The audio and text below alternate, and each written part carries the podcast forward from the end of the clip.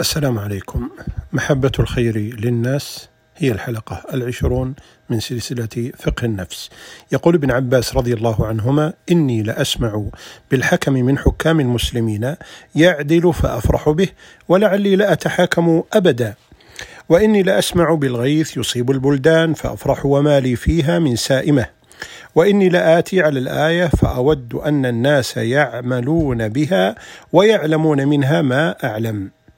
وقال عمر بن الخطاب رضي الله عنه لا يحل لامرئ مسلم سمع من أخيه كلمة أن يظن بها سوءا وهو يجد لها في شيء من الخير مخرجا. وقال علي بن أبي طالب رضي الله عنه إن الله عز وجل خلق خلقا من خلقه لخلقه فجعلهم للناس وجوها وللمعروف أهلا يفزع الناس إليهم في حوائجهم أولئك الآمنون يوم القيامة. وقال عبد الله بن عبد الغفار قلت لزهير, لزهير بن نعيم البابي أوصني قال أوصيك بتقوى الله. والله لأن تتقي الله أحب إلي من أن يكون لي وزن هذه الأسطوانة ذهبا فأنفقه في سبيل الله.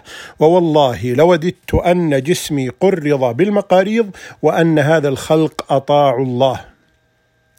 وكان عبد القادر الجيلاني يقول سبحان من ألقى في قلبي نصح الحلق نصح, نصح الخلق وجعله أكبر همي. ثم يقول إذا رأيت وجه مريد صادق قد أفلح على يدي شبعت وارتويت واكتسيت وفرحت كيف خرج مثله من تحت يدي؟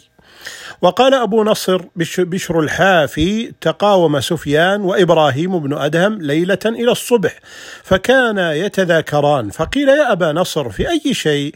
قال في أمور المسلمين. وقال عمر بن عبد العزيز رحمه الله لسالم بن عبد الله بن عمر أساءتك ولايتنا أم سرتك؟ قال ساءتني لك وسرتني للمسلمين. وقيل لمحمد بن المنكدر أي الأعمال أفضل؟ قال إدخال السرور على المؤمن. وقال الفضيل بن عياض أما علمتم أن حاجة الناس إليكم نعمة من الله عليكم فاحذروا أن تملوا النعم فتصير نقما. وقال أبو سليمان الداراني إني لا ألقم الأخ من إخواني اللقمة فأجد طعمها في حلقي. وكان عبيد الله ابن, الخي... ابن الخيار يقول في مجلسه اللهم سلمنا وسلم المؤمنين منا. ولم يكن لشريح القاضي مثعب مثعب شارع إلا في داره. وإن كان ليموت لأهله السنور فيأمر به فيدفن في داره ويقول إنه لأذى للمسلمين. وقال سفيان بن عيينة رحمه الله كان رجل يقول إني لأكره أن ألبس جديدا يراني جيراني فيغتابوني فيأثمون. وقال سفيان الثوري رحمه الله إذا اشتريت شيئا لا تريد أن, أن تنيل جارك منه فواره.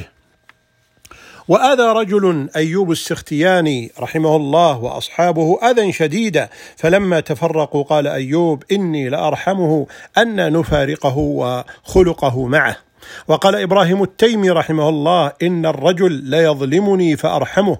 وقال أيوب السختياني يبلغني موت الرجل من أهل السنة فكأنما يسقط عضو من أعضائي.